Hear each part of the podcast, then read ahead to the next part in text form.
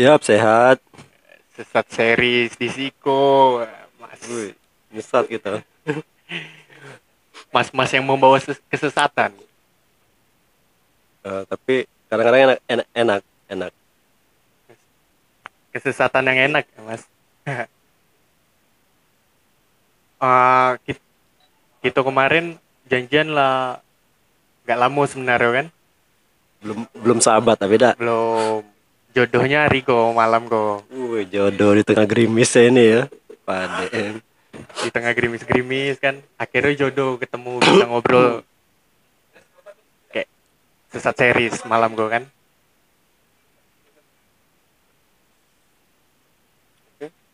awal mula kita kenal dulu acara puan mas Oh yo, ini apa pameran seni rupa ini eh berkemampuan ya. Berkembang lepuan Ibu Yuni Daud. Bu Yuni Daud waktu itu tahun berapa tuh? Mas? tahun sekitar 2017 2016 Oh, 18 Desember dah. Eh, 18 November apa Desember?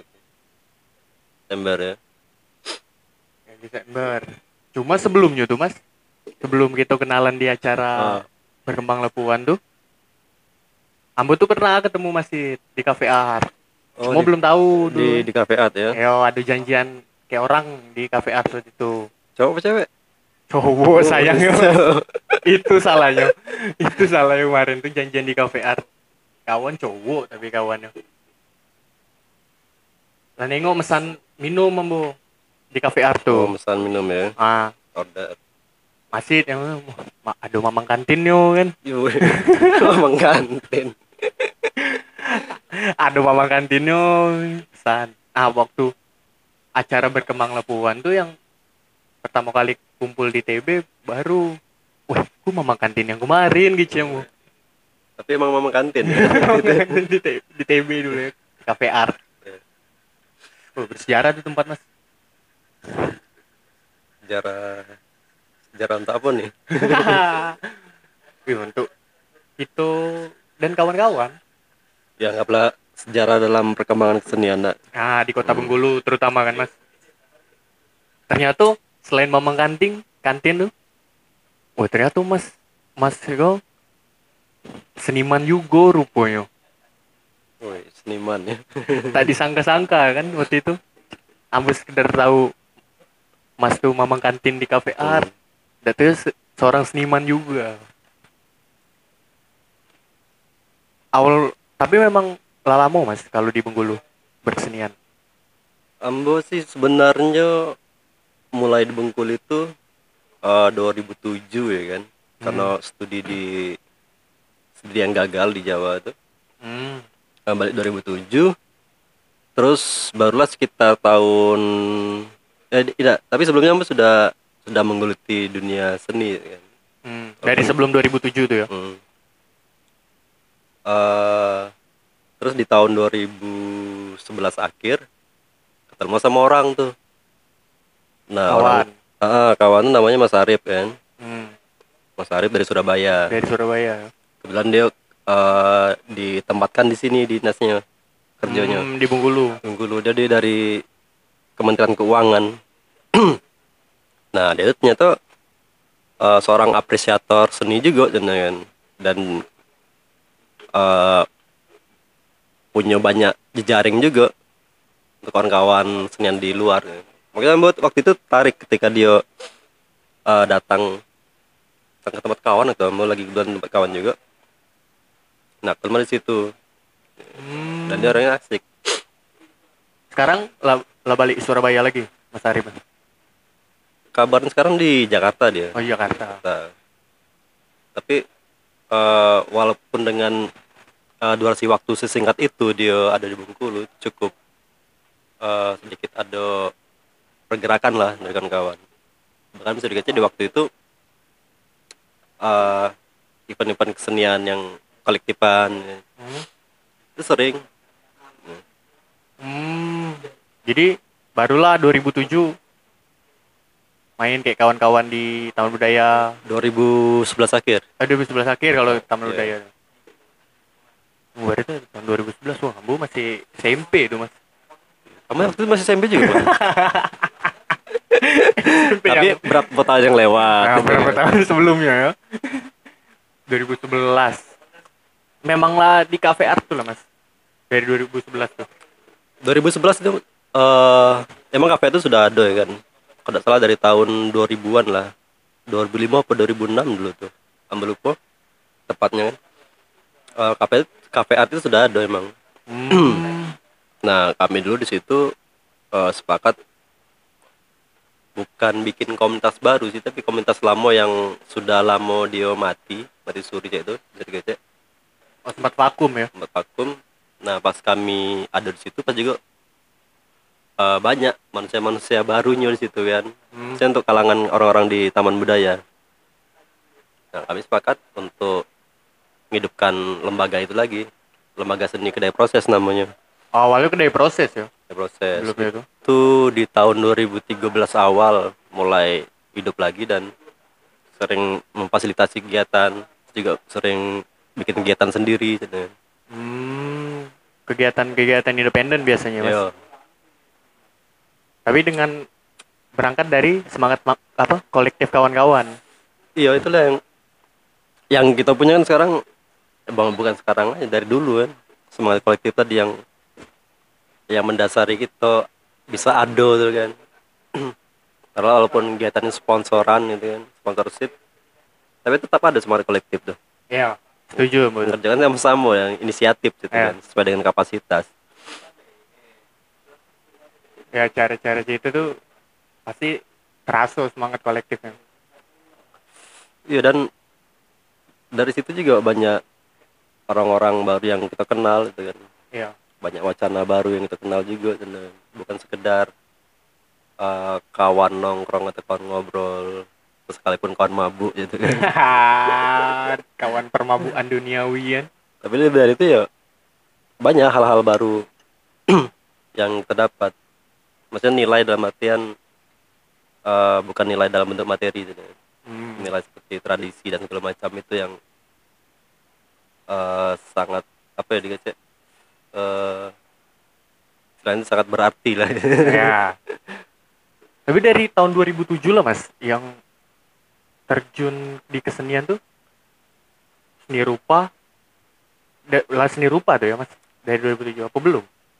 2007 itu Mbak, sudah dari 2004 itu belajar karena kebetulan di, di Jawa itu nama di Jepara. Ah. Eh, Jepara sebagai sentra apa perabotan penyecur itu kan. Terus kota ukir emang di Jepara ya kan. Ya. Jadi Eh, Jepara terkenal tuh.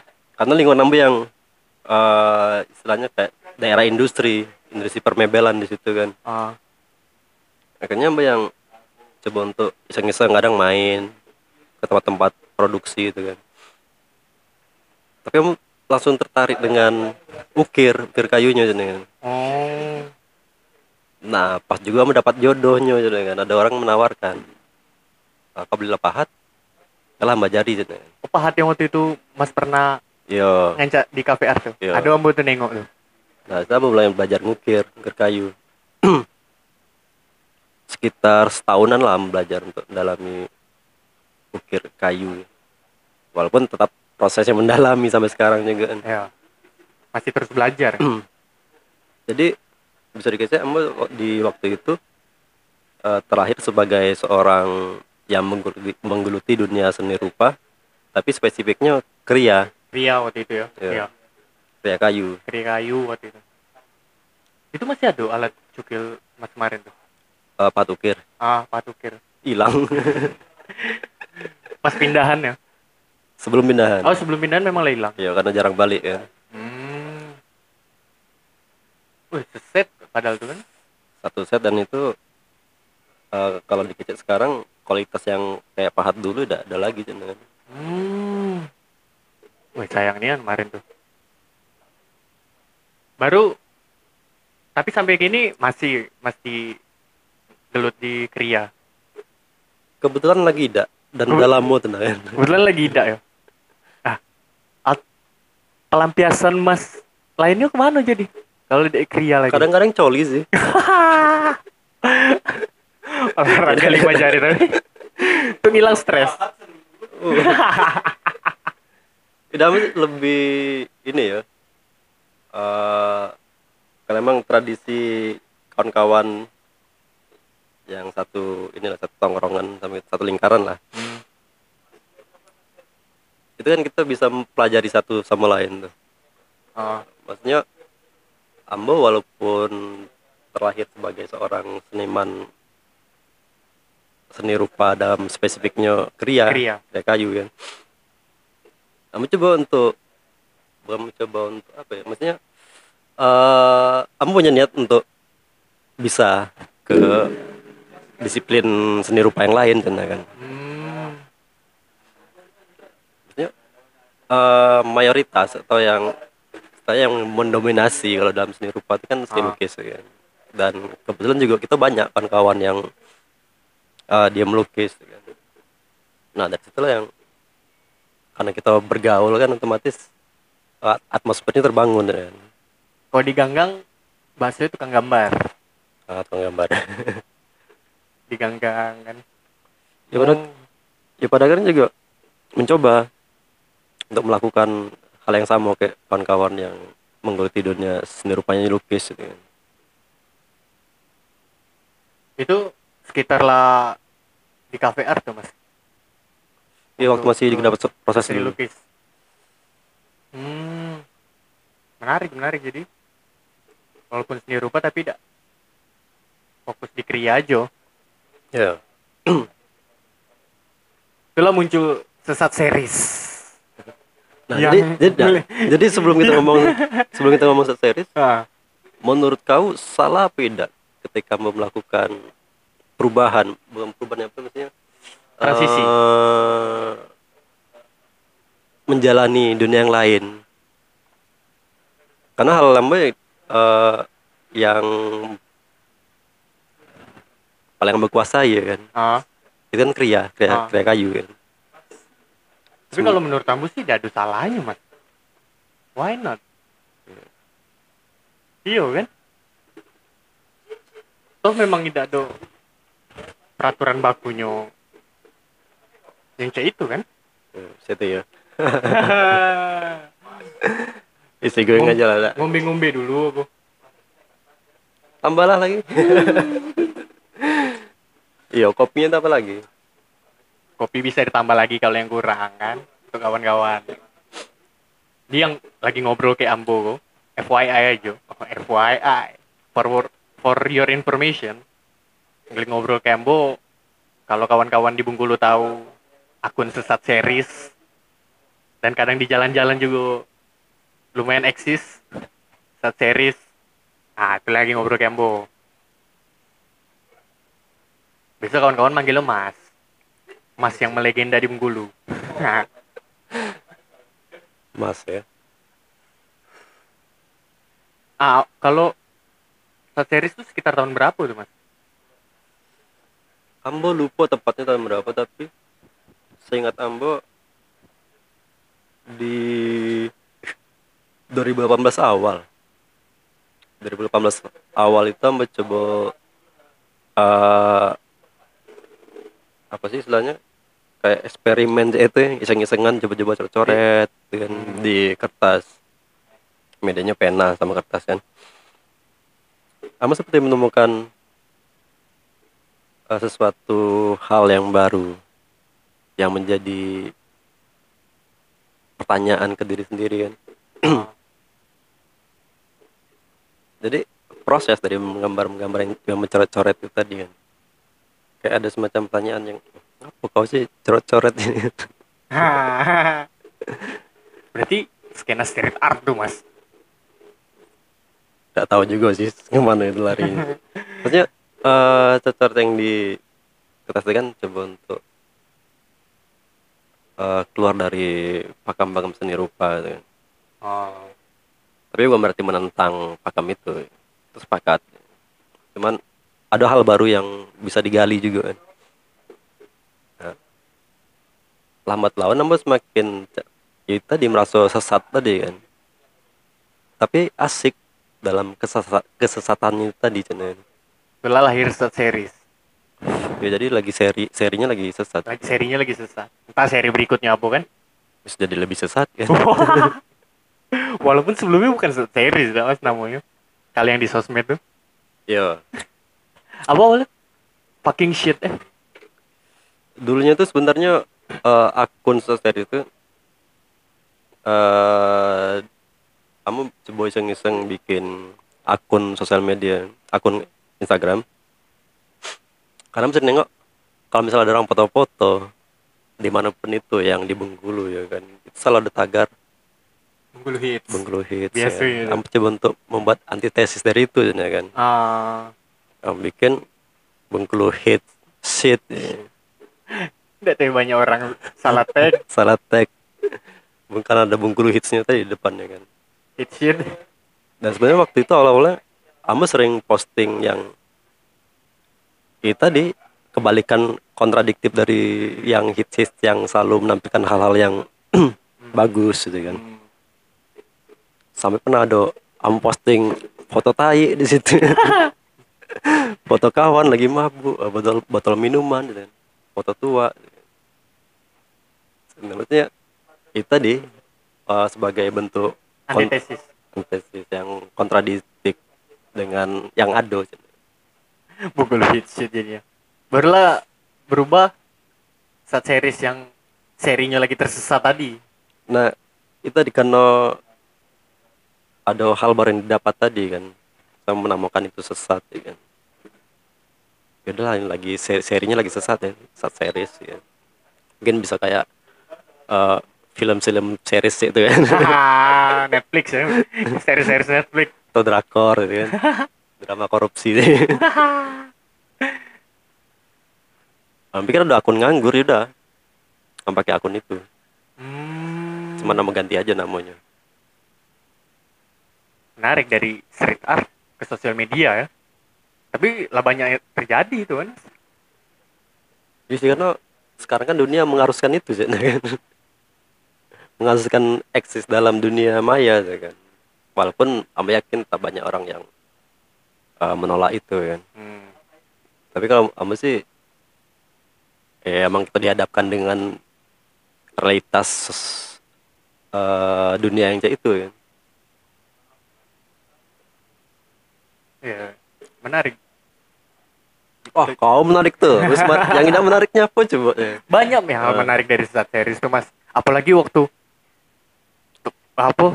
Ambo wah nian tuh pas nggak rilis t-shirt sesat series volume 1 kemarin Oh iya, iya yang sama Headmos itu. sama Headmos sama abang-abang Headmos kan kerja sama kemarin. Tapi tidak endorse ya. boleh. Kalau abang-abang Headmos da- endorse di podcast Sambo. Ya lu merasa wah.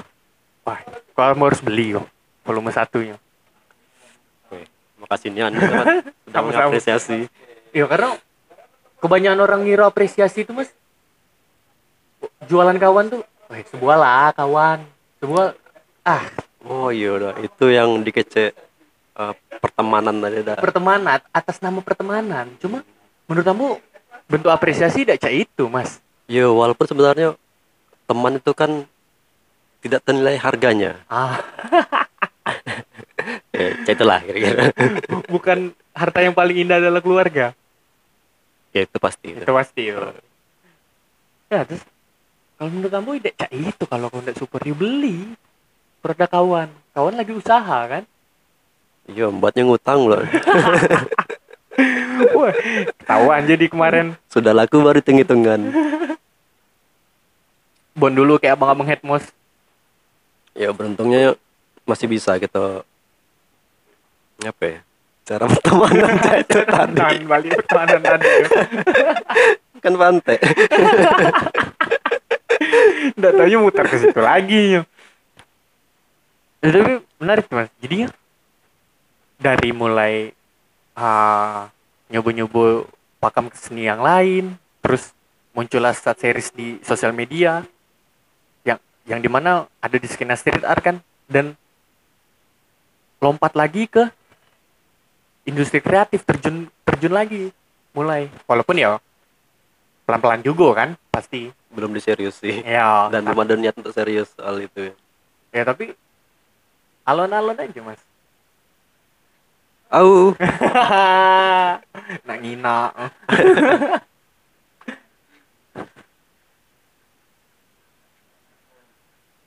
Jadi untuk apa? Eh, ke apa? Industri kreatif tadi. Aduh t-shirtnya kan.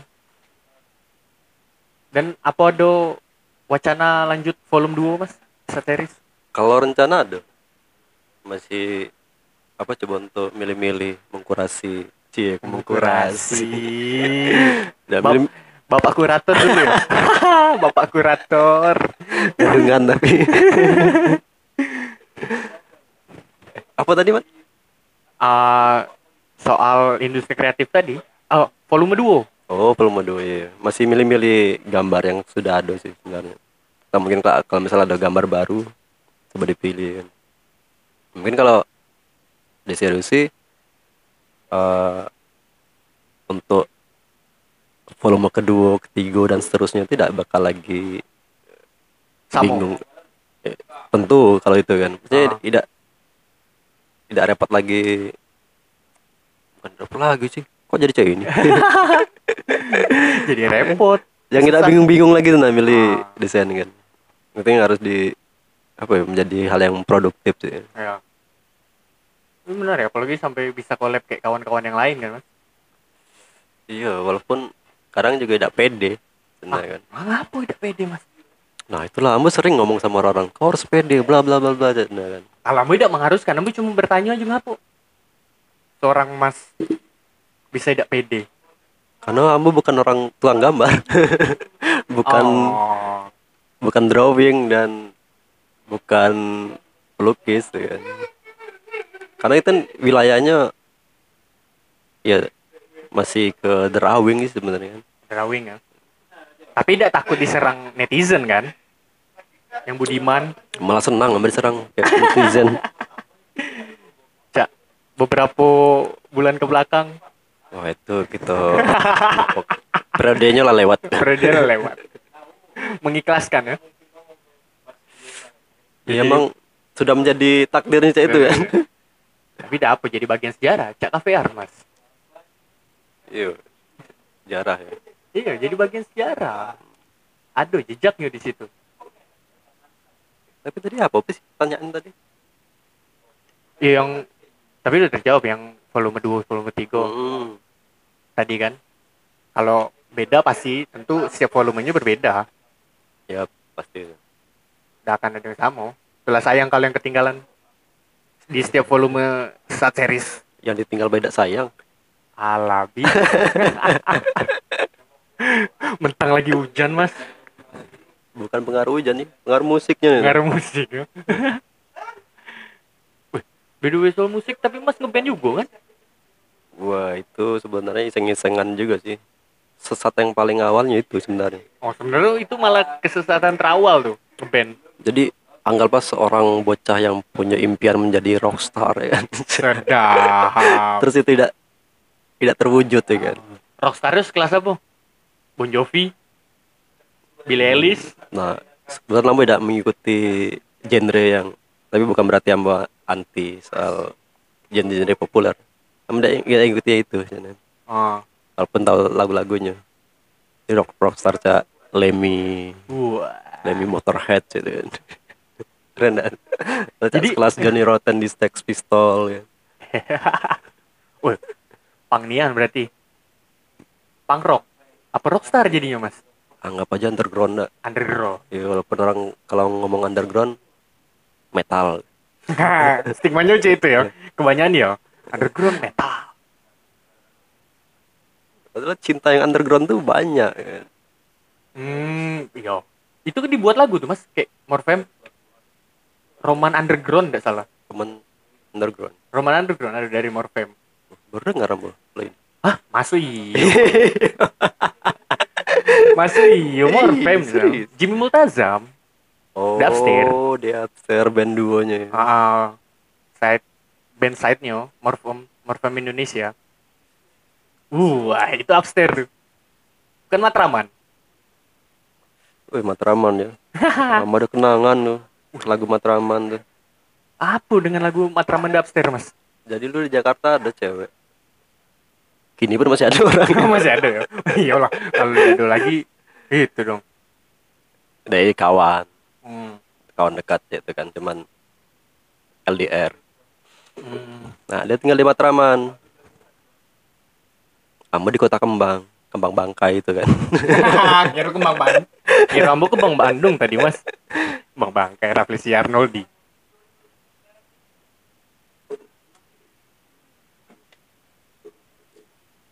Jadi eh kalau waktu di ngeband di Mas eh, di skena musik skenanya lebih ke punk. Iya lebih ke pang tapi kamu udah nyangku kalau mas anak punk dulu mas. Uh udah besar masih dipanggil anak. Mas punk. Apa? Bang punk. Punkers dong. Punker, sambu oh iya, iya punker. Wih, kata-kata lamonian tuh punkers. Bu, eh, sebenarnya eh, bisa menjadi bagian dari punk itu karena emang dari ambu suka musik sudah kenal rock gitu kan Hmm. terus pas lebih sini lebih sini yang mengenal dunia punk gitu kan lewat internet gitu kan. kan banyak tuh artikel-artikel di eh, internet yang Laida, Laida Zin lagi ya, lah, lah Electric Zin ya. Itu sebelum kenal Zin juga. Eh, Itu sebelum kenal Zin malah. Iya. Sebelum membaca Zin tuh, Ambo sering uh, uh, browsing gitu kan, artikel-artikel soal punk tuh. Yang paling sederhana ya sejarah punk. Tuh. Cuman, Hmm. nah, sampai pada akhirnya Ambo kenal sama cewek. Punk in Love bukan? Ceritanya kok. Itu lagi kira. Love kalau ada yang tahu filmnya tuh. Dari Malang. Oh, yang anak Matraman tadi Mas. Bukan yang lagi. Wah. Pucek boy juga berarti seorang sesat series. Set boy mat. Sad boy. Alang kesedihnya, Mas. Nah, jadi Ambo kenal sama itu cewek. Kebetulan dia lebih duluan tahu punk daripada Ambo. Hmm. dan emang eh, lingkungan di situ mendukung untuk dia lebih mengenal eh, mengenal lebih jauh soal punk hmm. dan sering sharing dan kan tahu terus selama satu tahun berpacaran di dunia maya baru ketemu kan Akhirnya ketemu ya. ketemu jalan ke Jogja ada event juga kan Oh, yang konser di Mandala Krida tuh. ya Mandala Krida tuh. Tahun berapa tuh, Mas? 2011 2011-an ya? bulan April masih ingat tuh? Uh, bulannya masih sampai ingat bulan April. Hujan juga tidak? ah di konser itu pas baliknya hujan Aduh. Nah, jadi Ah, jadi karena Mbak punya ketertarikan di dalam dunia punk, aku pikir Amba harus bersinggungan langsung, harus bersentuhan langsung dengan para punkers itu kan. nyemplung langsung ya? Eh, malam tahun baru 2011, eh 2011 akhir. Hmm. Iya malam tahun baru 2011 Iya, akhir kan. akhir lah kan saat pergantian tahun. Iya, menjelang 2012. Iya, Nah biasanya orang-orang kalau tahun baru tradisinya ngumpul sama kawan. iya. Eh, ada hajatan lah ya kan. hajatan kita kecil-kecilan lah. bakar-bakaran dapur Iya. gitu kan beda waktu itu cuma dia lagi di rumah tapi sudah lewat tahun baru tuh eh, jam 12 Heeh. udah lewat kerja jam satuan lah ya kan kamu ini jalan-jalan dan pakai motor coba-coba nengok ya, kondisi di pantai seperti apa ya, suasananya nengok kumpulan kumpulan para punkers di situ kan. Lagi nongkrong. Saya lagi asik nih kan. Wah mampir lah kan. ini kesempatan untuk bisa lebih tahu kan. Bisa dekat juga dengan Tobo tuh kan. Bukan sekedar kenal. Ya am mampir ke warung ambil beberapa botol ya kan. Hmm. modal mau kenalan tadi. Ah, alat alat pemersatu bangsa ya? Besar juga modal kenalan Iya, tapi lumayan kalau dipikir-pikir. Lanang boleh yang diajak kenalan. Enak kalau ce- masih mending kalau cewek. itu lama-lama kenalan terus temenannya bisa nongkrong di mana ada yang bisa ngasih kontak dah ke ambo ya nah tapi itu terbuka ternyata kan ya mungkin kalau eh, masyarakat umum wah menyeramkan dena kalau pangkers Iya. lah kan tapi sebenarnya mereka- terbuka kalau misalnya diajak ngobrol. Itulah orang banyak mengartikan pang tuh anti kema- kemapanan, kesetaraan sosial. nah itu kelak kita ngobrol di tempat. Wah. lanjut lagi ceritanya tuh ah, eh selang dua hari Ambo hubungi tuh tuh kan. Ambo hubungi lagi nongkrong dak iya nih ya lagi nongkrong kan. Sini dak ya di situ jadi malam-malam tuh setelah jam tujuan berangkat lama dari rumah tuh waktu itu emang angkot masih rame kalau malam Hmm. kalau sekarang tidak lagi angkot Ya. malam-malam siang aja sepi Ambo sekali tidak bawa motor Hmm. Naik angkot dan masuk dan tujuan Ambo nginap di tempat Tobo tuh kan kebetulan nongkrong di belakang Telkom waktu itu Oh iya iya. Nah, Baratat kalau malam jam 9 udah tutup kan Wih, itu masih ada barata ya mas? iya Barata tidur di situ lah di emperan Barata tuh Di depan barata tuh kan? nah pagi balik karena aktivitas ya itu masih ngukir itu masih ngukir. iya Dari seorang anak kria Iya. turun ke skena pang kan. ya lama-lama itu sering ngobrol diskusi kalau wacana pergerakan pang itu seperti apa kan Hmm. Bahwa di 2012 itu karena ada ada undangan gigs di Curug Hmm. wah ini kayaknya pada bikin band Oh dari situ dari cetusnya. band dadakan band dadakan dadakan untuk acara aja waktu itu kan Hmm. waktu itu berempat lagu pertama kali dua Sex Pistol Yang Anarchy in the UK Anarchy in the UK. Hawkspearer yang We Coming Back We coming back. sama We England belong England belongs to me England, eh, ah, England. Lagu Liga Inggris tuh, bola jadinya. Yo, Dipakai anak bola hooligan. juga. Ya, hooligan. Berarti Inggris ya mas, pang tuh. iya harusnya di Inggris Kamu ngiranya Amerika pertama. Amerika bisa dikejek fase keduanya. Di 80 Adaptasi ya. iya 80-an puncaknya. Hmm. Bu kalau sekedar tahu-tahu soal ya kenapa dari hooligan tuh lah karena aku kebetulan dulu anak tribun dulu mas. Anak tribun. Megang snare. Ya tapi di band tadi Ambo dipecat. Kok bisa istilahnya dipecat istilahnya dipecat karena kan di dunia pang itu ada hal yang baku sih. ya Iya. Konsekuensi dari Ambo lah jarang nongkrong kawan-kawan pang. Ambo yang tidak lagi terlibat dalam kegiatan-kegiatan Tobo tuh gitu kan. hmm, mulai agak ngilang ya Menghilang kalau Ambo sering bergaul dengan seniman. hmm. ya ya ya ya Tapi kalau mendapat kalau misalnya dapat kabar, ya Ambo apresiasi datang ke acara-acara kawan-kawan. Hmm. Masih ikut kolektifan juga. ya. penting tetap bawa semangat kolektifnya tadi ya Ya. Hmm, jadi bisa dibilang Sat Series juga seorang punkers Sangat nak nih. itu balik lagi ke netizen ya Iya. netizen yang budiman nggak nganggapnya apa Budiman, dermawan ya kan. tapi belum ada kan sampai sampai saat itu diserang-serang haters apa lu adu mas Haters sebenarnya dari kecil kita sudah punya haters. iya sih selain di dunia maya ya. Iya.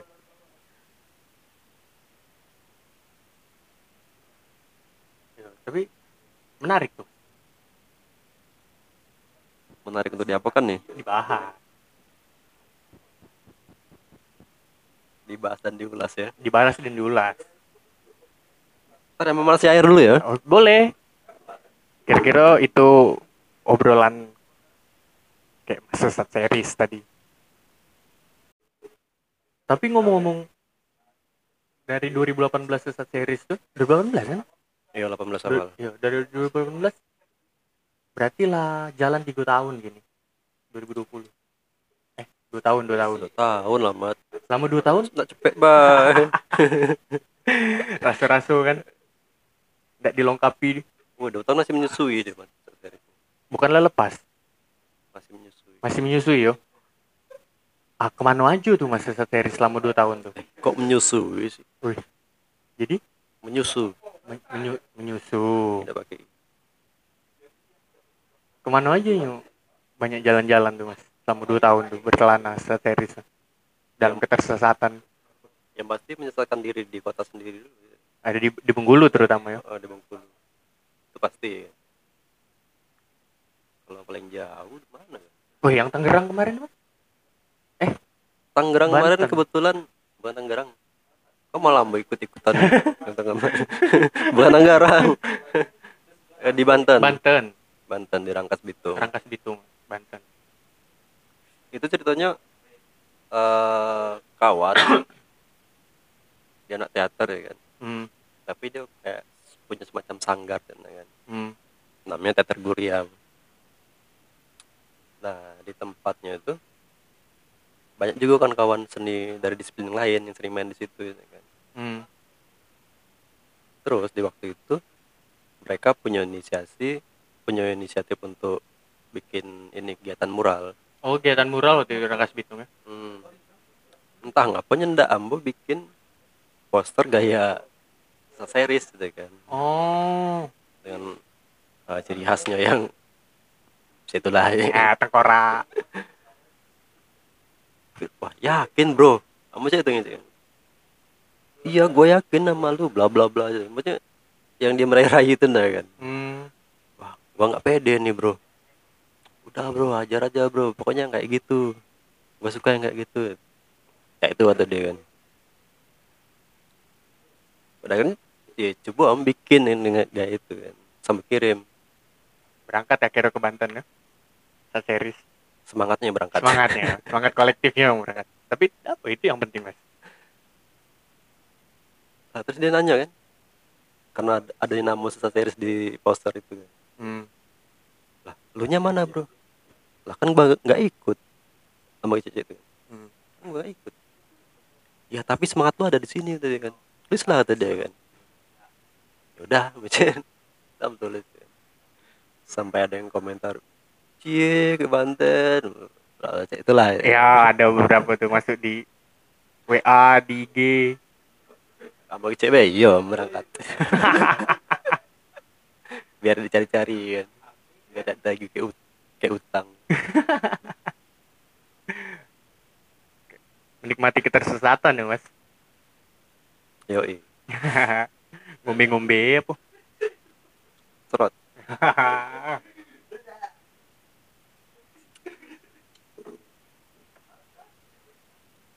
tapi kalau ambu malah lebih nengoknya saat series tuh beberapa sebelum rilis yang merchandise volume 1 street art ambu nengoknya malah. Cerita tuh ya. iya dari sudut pandang ambu entah ya ambu Nah, juga agak itu awam. sebenarnya kamu tadi sebenarnya pengen nanya sama kau kan ah. Eh, soal saat series tadi. Ah. Menurut kau saat series tuh kalau dalam cakupan seni rupa dia maksudnya ke mana sih maksudnya dari pandangan umum kawan-kawan dari eh, yang berkawan dengan para seniman gitu. jurusnya sih kalau ambu ke street art mas. Alasannya? Nengok dari gaya-gayanya di awal. Series sampai yang akhir yang eh, apa? Eh, tulisan Arab tuh apa namanya? Apa kaligrafi? Kaligrafiti. Kaligrafi Iya. kaligrafiti yang menengok yang Nah, terakhir tuh saat series sebenarnya itulah eh salah satu kesesatan dia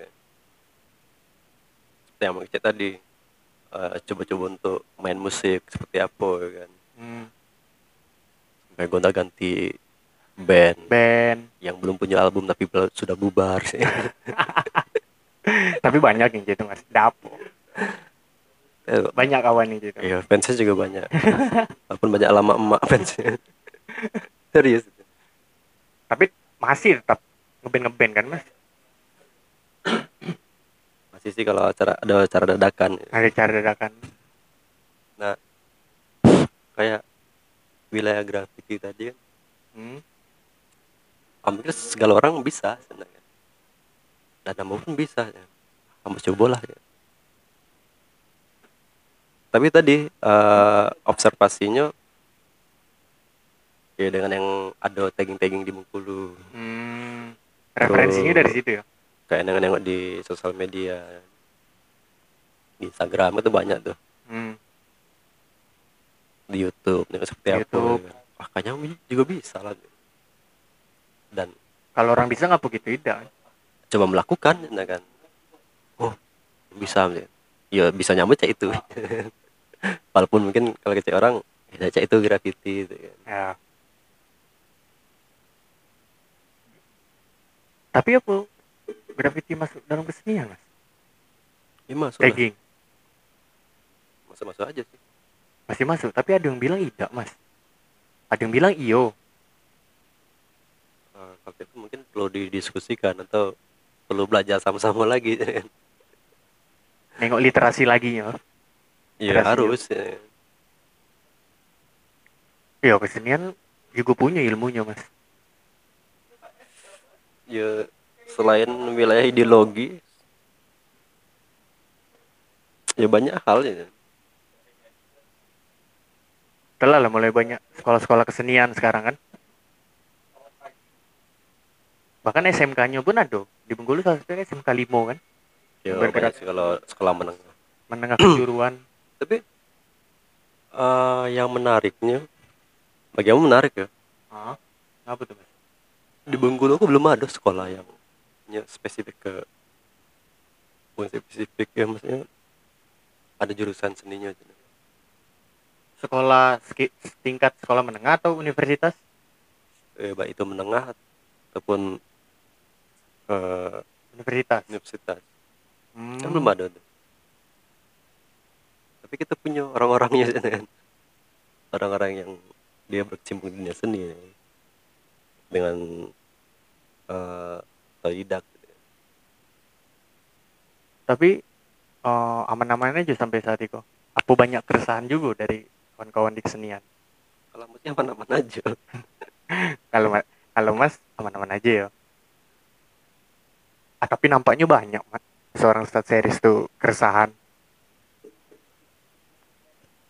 Dari dari namanya aja lah stat series. Tersesat. Kegelisahan tuh pastilah katanya. Hampir setiap manusia.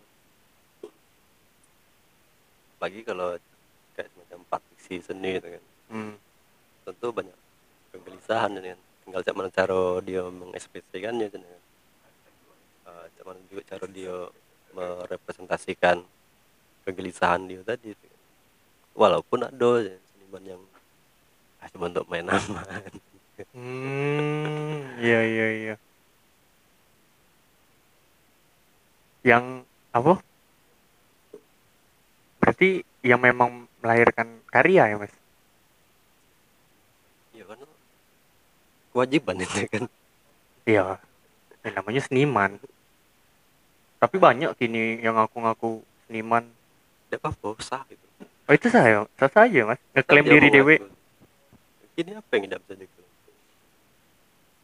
tidak produk oh misalnya kualitas terbaik Penjualan jadinya, Mas. hmm, jualan Penjualan jadinya. tidak tidak tidak punya semangat jualan Jadi, jadi apa Lah. kalau seniman tidak melakukan penjualan, jadi hidupnya dari mana, Mas? Jual karya bisa. Eh, jual karya, kalau penjualan tidak karya. laku bisa jual yang lain. Jual diri pun bisa. Aku baru nak ngecek saya jual diri kan. jual diri. Oh itulah. Kamu pernah dengar? Agak eksplisit sih sebenarnya cuma kamu pernah dengar di salah satu obrolan? Luar kata-kata pelacur kesenian. belajar seni cak mana tuh Ambu juga sampai saat itu apa itu tuh Ambu yang awam kan di kesenian tuh kayak mana? kamu juga sebenarnya tidak memahami istilah itu eh, secara pasti ya. Hmm. apa sih makna dari pelajar kesenian ya? Apalagi Ambu? Apalagi Ambu mas? Makin tidak tahu Ambu.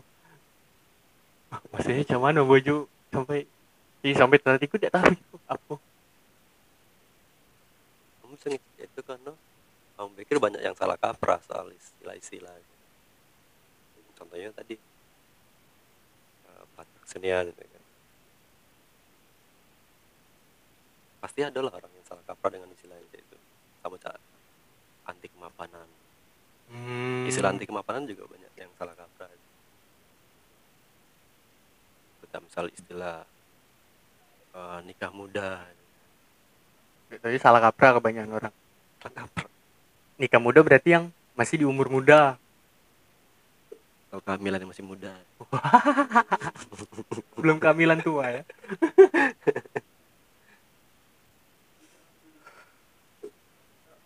menarik, menarik. Apalagi kalau sampai ado ngeluarin merchandise yang collab kayak siapa ah menunggu nian tuh mas ada sih rencana nak collab kolaborasi dengan siapa salah satunya? Floa eh. Siapa tuh?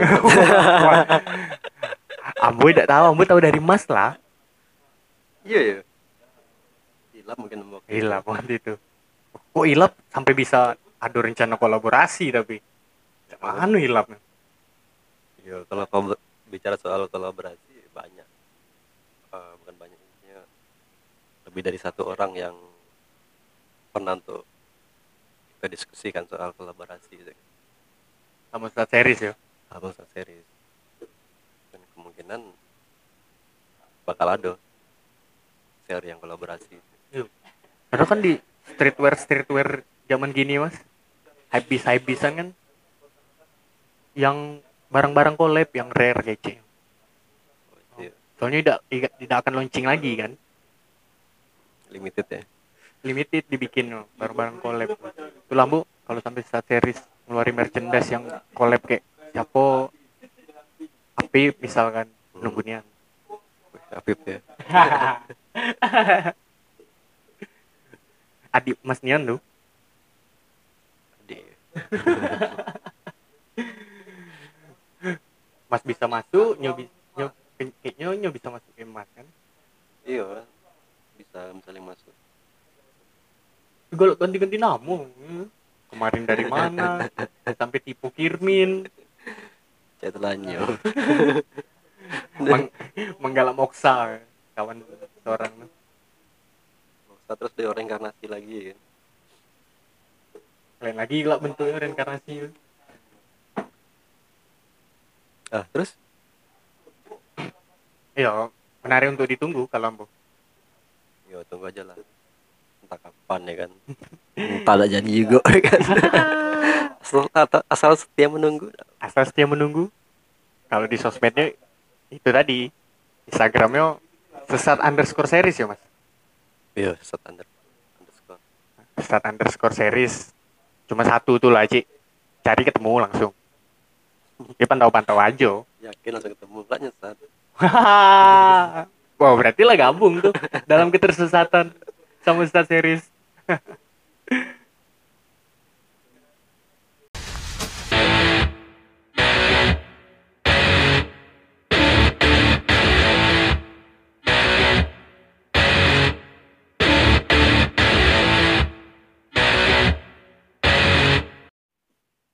Kalau dari sudut pandang kamu, Ustaz series di graffiti ya mas? bisa jadi sih karena eh, beberapa karya dia emang lebih mengarah ke graffiti itu juga eh kalau bisa diomong karya kayak di jalan-jalan itu kan tagging ya Hmm. ya bentuk-bentuk graffiti ya, sebuah bentuk graffiti tapi eh, selain itu Ada juga. ada sesuatu yang lainnya Chandra, kan Apa itu mas? Kesehatan yang lainnya. Selain graffiti. ya seperti yang mbak cerita dia eh, ada hasrat untuk tahu untuk pengen tahu yang yang lain gitu kan. Hmm. kayak dunia grafis ya, namun tertarik juga Chan. Oh di dunia grafisnya desain. Kan eh, lebih ke cetak mencetaknya Oh Chan. cetak mencetak ya. namun tertarik di eh, printmaking eh, cukil kayu wood- woodcut Hmm. sebenarnya eh, basic sudah ada sedangkan karena Amba sudah sering megang pahat ya kan Hmm. cara menggunakan pahat nah cukil kayu itu kan dia eh, menggunakan pahat cuman dia lebih yang kecil bentuknya apa ukurannya Ukurannya.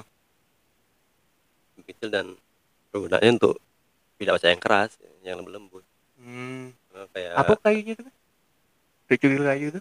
kalau bahasa bahasa situnya tuh hardboard Hardboard. Hardboard. Kalau bahasa gitu apa ngeci?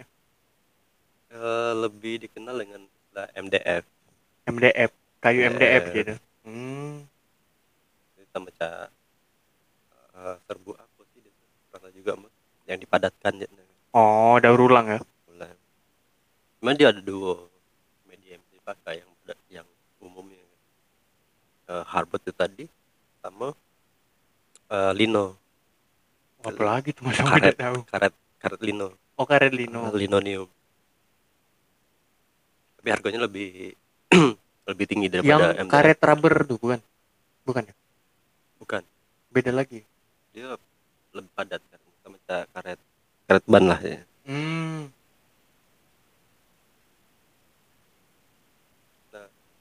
Amik itu juga ya, menjadi sesat itu tadi. Ah, istilah sesat yang ambo kasih untuk apa ya? Maksudnya fase-fase ini fase ini. Ah, fase dari 2018 awal itu. Dan tadi eh apa sebenarnya? Sangat merasa sangat eh apa ya me- membenarkan diri Ambo sendiri sebagai ya diri Ambo sendiri sebagai seorang seniman. eh, pelaku seni kriya Oh, pelaku seni kriya. dan orang yang kenal Ambo di baru-baru Ambo gabung sama kawan-kawan seniman eh, khususnya kawan-kawan seniman rupa ya Ambo seorang eh perupa yang spesifik disiplin rupanya kriya Kriya. Pahat. Pernah pameran dah Mas cerita ma- dulu tuh Iya pameran pertama kali Ambo di tuh TP 2011 2011. 2011 akhir ya Desember waktu itu itu sebenarnya eh, itu dia yang bawa cerita di awal tadi ada Mas Arif itu Nah, dia Oh, mengini- Mas Arif. eh, inisiatif dia pameran waktu itu pameran pertama datang ke rumah dia nanya ada karya apa tidak tidak ada Cik. itu apa yang cek karena dia nengok, nengok ada sebuah patung waktu itu kan. Ah. patung kayu yang pertama belum finish. Hmm. tapi yang maksud untuk dipamerankan. Ya udah mbak uh, persilahkan nah, itu pameran pertama mbak terus kedua uh, selang dari 2011 akhir itu ke 2013 waktu itu pameran berdua kawan tuh drawing drawing pen Siapa, uh, namanya Yogi Yogi Pratomo Yogi Pratomo. Kenal kamu kenal. Kamu kenal. Abang Yogi Kenal. Pratomo. pertama Pratamao. uh, ya dia uh, drawing karyanya yang dipamerkan sama ke Hmm. Kalau yang Mas pernah tandem sesama kria tuh belum pernah ambo tandem sama Kria Oh belum ya? belum Eh, yang kedua 2014 sama pemeran tunggal pemeran tunggal Kria Hmm. Pameran tunggal udah berarti mas? yo sekali sekali seumur hidup Udah apa tapi penting pernah mas. Nah, itu Kria yang sama pakai sampah-sampah yang ada di pinggiran pantai Bengkulu yang di muaru-muarunya tuh Hmm. limbah-limbah eh, kayu atau kayu yang dari daerah atas itu kan dari daerah hulu dari yang hulu dia hilir. hanyut hilir ya bagi Ambo itu unik karena kami sering main ke pantai waktu itu.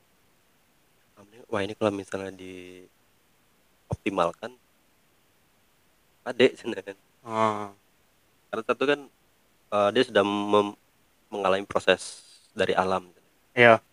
kayak ada bentuk-bentuk apa sih. Bisa bilang Iya, sampah lah ya. eh, kalau kita nengoknya secara imajinatif sih kan bentuk Hmm. seperti apa bentuk bebek sih kan dan bisa kita explore lagi Itu sebenarnya yang kan. tunggal. Pameran tunggal. Dari daur ulang sampah. yang tuh. eh, berdua sama Yogi itu Oh. itu juga Itu juga. Yang baru tunggalnya itu Tahun berapa kayak tahun berapa tuh? 2011 yang kayak Oh, 2011 Yogi. yang sama Yogi itu 2012 eh 2013 Oh, berarti tunggal dulu, Mas. tunggalnya 2014 Oh, tunggalnya 2014. Setahun setelahnya ya. dan setelah itu sampai saat ini Ambo tidak pernah lagi kalau misalnya ngikut pameran karya Ambo itu karya Kria Lebih banyak ini. kalau tidak mix media dia ke lukis Hmm. jadi mengikuti apa yang menjadi dominan untuk waktu itu sampai sekarang juga walaupun sebenarnya Ambo berpikiran harus ada akhir dari kesesatan ini kesesatan ini Ya, ada garis finishnya ya. setelah dia sudah puas sudah muak gitu kan dia harus balik lagi ke Awal eh, lahir. awal lahir dia tadi dia sebagai seorang kria Hmm, itu ngapa muncul sesat series ya. Paham ambo gini. ya paham tidak paham itu yang mau Kalau ambo paham. alami gitu. Ya kalau kawan yang dengar paham beda, kembali lagi masing-masing. kita mungkin bisa sharing Bisa sharing. secara langsung Ya misalkan memang gagal paham, sharing, ngajak ngobrol, ngajak ngopi, ngombe-ngombe, sama mas sesat series. Ngopi dulu mat ngopi dulu mas. Bok ngopi sana. Jadi situ ya, ikonya. Selain ketersesatan di graffiti tadi, kesesatan di drawing, di seni lukis juga. Ya bicara soal yang mau sebut selain grafiti tadi ada printmaking cukil kayu Hmm. sampai ada kawan yang dia eh menyebut Amba sebagai seorang seniman printmaking Hmm. sampai kalau misalnya ketemu tuh dia nanya mana karya cukil kayu yang terbaru ya belum ada bang Wih, sampai melekat itu image-nya. iya sampai waktu kegiatan di Lubuk Linggau ya kan ada lonceng kedai kopi kawan tuh Hmm. namanya Simple Garden Oh, Simple Garden tahu mbak tuh. waktu itu ada workshopnya juga nah di workshop itu Amba diminta untuk memberi materi eh, wilayahnya seni cukil kayu cina Hmm. dengan nih eh, di, foto-fotonya. dicetak di kaos cina kan itu kan istilahnya sebagai bukti bahwasannya kawan yang mengajak Amba tuh juga eh, dia menyebut Amba sebagai atau melabeli Amba, melabeli Amba sebagai seorang eh, praktisi seni yang di wilayah cukil kayu Hmm. Tapi yo cuma kamu pertama kenal cukil kayu juga. tapi sialannya juga Amba bisa sebenarnya kan Jadi cak berkat tapi kutukan. Tidak lah, Mas. Ya karena bagi Amba kalau misal ngomong ah, sayangnya ya kan agak cuman sih Tapi ya, Om pertama kali tahu kan cukil kayu itu dari Mas kayak Mas Uta lah. Waktu Ya. acara workshop Tribut Romel ya, kalau tidak salah. Iya, Trip Romel. Tahun 2018 eh 2017. Ya, dia jadi narasumber di workshop itu kan. Yo. Eh, Amba sebagai asisten pribadinya. Sampai gini masih ada kaos sama yang MMT itu ya. MMT. Ini juga lagi, lagi pakai. ah iya kebetulan masih lagi pakai kaos cukil kayu yang workshop acara waktu itu.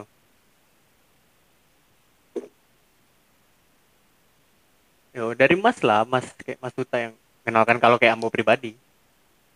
Cukil kayu. Dan sampai Amba punya rencana untuk pameran tunggal cukil kayu sih. Oh khusus untuk cukil kayu ya Mas. Ya lebih spesifik aja. Berarti bakal ada workshopnya juga kalau bikin pameran cukil kayu. Kalau itu bisa dikondisikan. Tapi yang jelas eh, bentuk karya dari pameran tunggalnya pula eh, cukil kayu. Nah, kamu lumayan tertarik juga mas belajar yo cukil kayu terus sablon menyablon kan. Itulah acara kemarin Cik Yur bikin, Bu. Lumayan antusias lah untuk datang yang kita barengan. Atau mungkin eh, kalau secara ininya kayak semacam ini serakah dengan Oh, ngapa? serakah yang pengen tahu dan pengen mencoba segala hal kan Hmm. di dunia seni kan. Tapi ada beberapa dan kamu paling tidak bisa tuh di wilayah teater Ngapa tuh mas? ada pacakmu yang ekspresi yang zaman itu kamu tuh kelihatan dan Berarti bukan orang pertunjukan mas ya? musik pertunjukan loh Ayo, pertunjukan tapi ngeband mas. Sateris. Terakhir PM 2.5 eh Iya, PM 2.5. PM 2,5 acara apa? UKM seni ya Oh, PM seni Unip. oh UKM musik Eh UKM musik. UKM musik Unip anniversary itu. Pinta Unip berapa? Gak tahu. Bu. ya itu juga band dadakan sih sebenarnya dadakan. Up. Bawa ngopi.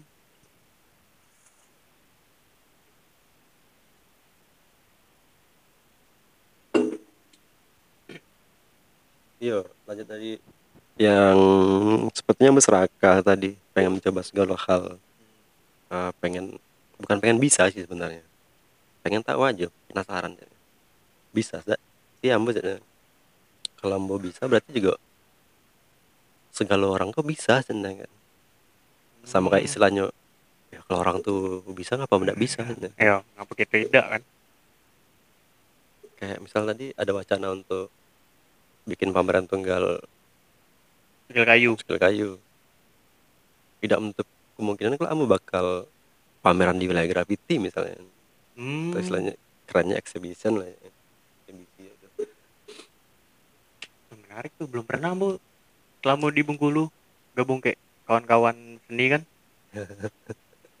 tapi yang menariknya menurut Ambo kayaknya harus di Bengkulu bikin event graffiti Khusus graffiti ini. ya. jamming graffiti graffiti graffiti ini kan Samiku belum ada ya mas? Kamu kan juga baru. setahu Ambo belum ada belum belum pernah ada di Bengkulu Hmm. yang lebih sering dan masih mendominasi ya karena tidak ada yang lain mural Ya, sampai kompetisi mural yang ya ya itulah nyari jalan tengahnya ya. Ke mural, mural graffiti. ya tambah ada beberapa hal yang pengen amba angkat tuh soal posisi yang marginal ini.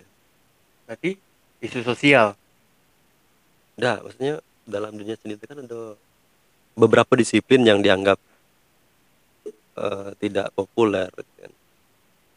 kurang lebih kurang tepat juga sih kalau dikecek kurang populer maksudnya hmm, dia tuh minoritas Hmm. Kayak misalnya di di dunia seni rupa orang lebih populernya lebih tahunya lukis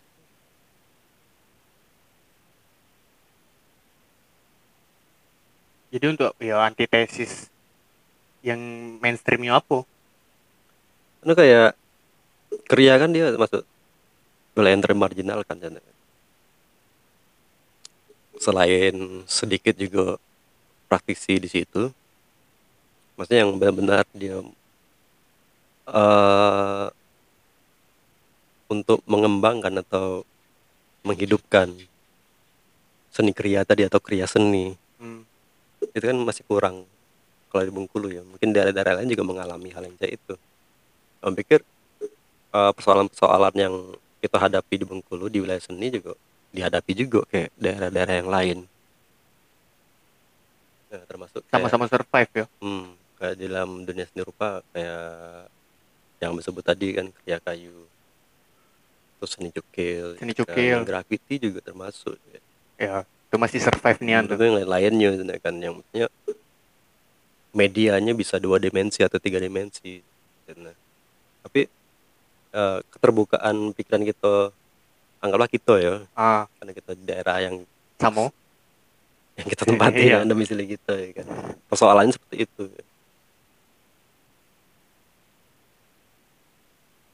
sama juga misal di dunia teater kayak pantomim kan termarginalkan juga tambah Hmm.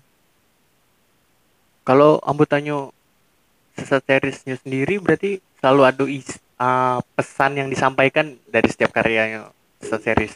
Kamu pikir setiap orang ketika dia membuat sebuah karya pasti ada sesuatu yang ingin dikomunikasikan sama dia Ada yang tidak disampaikan. sampaikan. Ya media untuk merepresentasikan itu ya karyanya itu tadi. Cuman kan eh, untuk kita sampai ke situ ke pemikiran seniman tadi kan tidak mungkin juga karena Hmm. ya, sifatnya sebuah karya kan multitafsir apalagi ada istilah ketika karya itu lahir si pengkaryanya mati ya kan. Ketika dia sudah dikonsumsi dengan publik ya dia milik publik ya kan Jadi, Hmm. publik juga punya hak untuk Ya. mem- memaknai sebuah karya tadi ya mau tidak mau kalau karya lari lempar ke publik publik Ya. lagi yang memaknainya kan yang jelas itu tadi eh, setiap karya mau tambah pasti punya punya hal yang ingin disampaikan apa pun itu ya apa pun entah keresahannya entah apa curhatan ya kan? curhatan.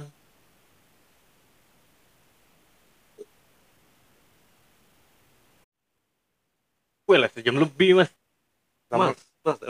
Lama-lama ikut nyesat ambo kayak sesat series nggak terasa dah mau coba aja dulu mat Hah? coba aja dulu kalau asik ya kan? Nah kalau memang ada yang kurang kentang tanggung nggak ngobrol lagi langsung aja hubungi yang bersangkutan sesat series di Instagram atau di Yahoo Messenger. Gmail sekarang. Intinya ambo bikin podcast Ikoko sebenarnya untuk eh, biar ambo tetap waras aja mas. Ngobrol karena ambo hobi ngobrol kayak kawan kan? Iya mas sepakat kalau itu. Ambo hobi ngobrol kayak kawan eh, tetap eh, bikin ambo waras. Apalagi selama pandemi kemarin kan? Sampai saat Iko masih. Iya mas sepakatnya kalau untuk itu untuk hal itu. Maksudnya kita eh, merawat dan menjaga kewarasan kita tadi. Ya karena memang ya dari awal tujuan ambo itu untuk bikin podcast. Yang ngeluari apa yang terpendam aja. Kita belajar lagi. Terakhir dari Mas, kalau ada yang tidak disampaikan, kayak kawan-kawan, apa ya semacam closing statement itu ya? Boleh closing statement, closing Malibu. Wah, lah jamnya belum belum cak. tidak main di situ. Tidak ya. Ah, masa iya. seberangnya kita main Seberangnya ya. ya main pantai kan Oh. apa ya kalau dari sesat series ini sebenarnya dia coba-coba untuk berani mengeksplor aja kan, ya apa yang ada dalam pikiran coba untuk dilakukan Nyampaikan kayak kawan-kawan, jangan pernah takut lah. pada intinya jangan pernah takut apalagi takut tersesat ya kan Hmm. walaupun malu bertanya di jalan Terbalik nah mas. Malu bertanya sesat di jalan. Yo, pokoknya gitu lah. Gak usah takut lagi sesat ya kan. Pasti kita bakal ketemu jalan sendiri ya kan. Sesat sendiri pun ada maknanya juga ternyata. Bisa jadi kelak kita balik lagi. Bisa jadi kelak kita nyaman dengan kes kesesatan itu. Kes kesesatan. Jadi bisa, bisa jadi eh, kita menemukan jalan yang ya itu jalan kita. Tadi jangan takut.